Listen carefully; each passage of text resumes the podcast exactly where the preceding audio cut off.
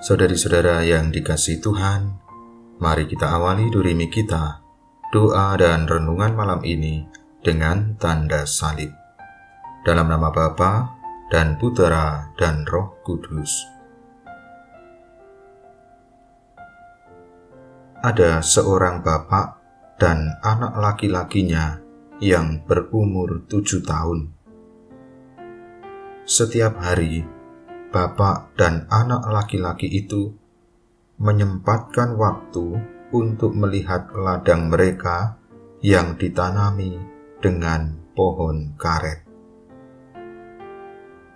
Sang anak begitu kagum karena setiap pohon dapat menghasilkan getah karet yang banyak. Pada saat berjalan-jalan di ladang itu, anak itu melihat sebatang pohon karet yang kerdil, berbeda dengan yang lainnya, dan mangkok getahnya hanya berisi sepertiga saja. Anak itu kemudian melihat dari ujung pohon sampai ke bawah.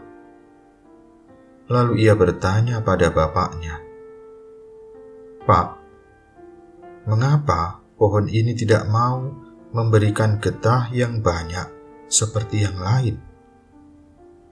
Mengapa pohon ini ukurannya kecil sekali? Apa kita tebang saja? Kita ganti dengan pohon yang lain.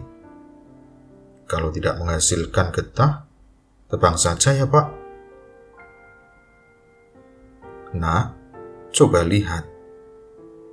Sang bapak menyahut. Mungkin kita perlu menambahkan pupuk padanya. Perhatikan sekitarnya. Banyak tanaman perdu yang mengganggu. Kita harus menyiangi. Lihatlah tanahnya begitu kering. Mari kita sirami. Demikian kata sang bapak dengan sabarnya. Saudari-saudara yang dikasih Tuhan, dalam hidup kita kita juga bisa berjumpa dengan orang-orang, dengan saudari-saudara, rekan kerja, teman, sahabat, atau siapa pun yang barangkali kita lihat secara berbeda. Ada orang-orang yang tampaknya tidak terlalu menguntungkan bagi kita. Ada orang yang tampaknya dia hidup tidak baik atau tidak lebih baik dari yang lain. Hidupnya kurang berbuah. Dan bisa jadi juga kita merasa terganggu atau kita merasa tidak terlalu menguntungkan. Bersahabat dengan dia tidak terlalu menyenangkan kalau kita dekat dengan dia.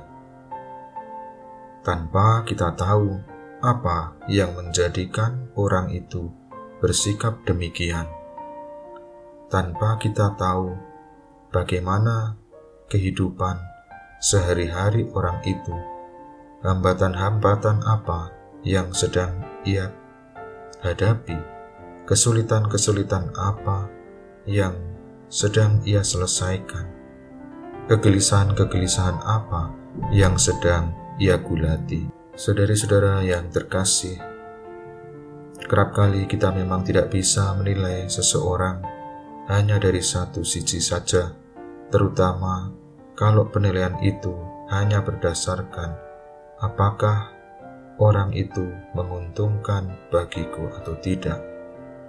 Tetapi baik juga kalau kemudian kita sedikit memberi waktu dan perhatian kita kepada mereka. Bisa jadi hidup mereka yang tidak berbuah karena memang mereka sedang menghadapi satu persoalan dalam hidupnya. Kita mencoba untuk juga bisa memberikan perhatian kepada saudari-saudara kita yang sedang kesulitan, yang sedang menghadapi masalah. Kiranya, kalau kemudian memang kita dapat membantu mereka, kita pun boleh bersyukur bahwa kita boleh melihat orang lain di sekitar kita hidup berbuah bagi orang lain pula. Mari saudara-saudara yang terkasih, sebelum kita beristirahat malam ini, kita mohon belas kasih dan kerahiman Tuhan. Allah yang maha rahim, aku menyesal atas dosa-dosaku. Aku sungguh patut engkau hukum, terutama karena aku telah tidak setia kepada engkau yang maha pengasih dan maha baik bagiku. Aku benci akan segala dosaku dan berjanji dengan pertolongan rahmatmu hendak memperbaiki hidupku dan tidak akan berbuat dosa lagi. Allah yang Maha Murah, ampunilah aku orang berdosa ini. Salam Maria, penuh rahmat Tuhan sertamu. Terpujilah engkau di antara wanita, dan terpujilah buah tubuhmu Yesus.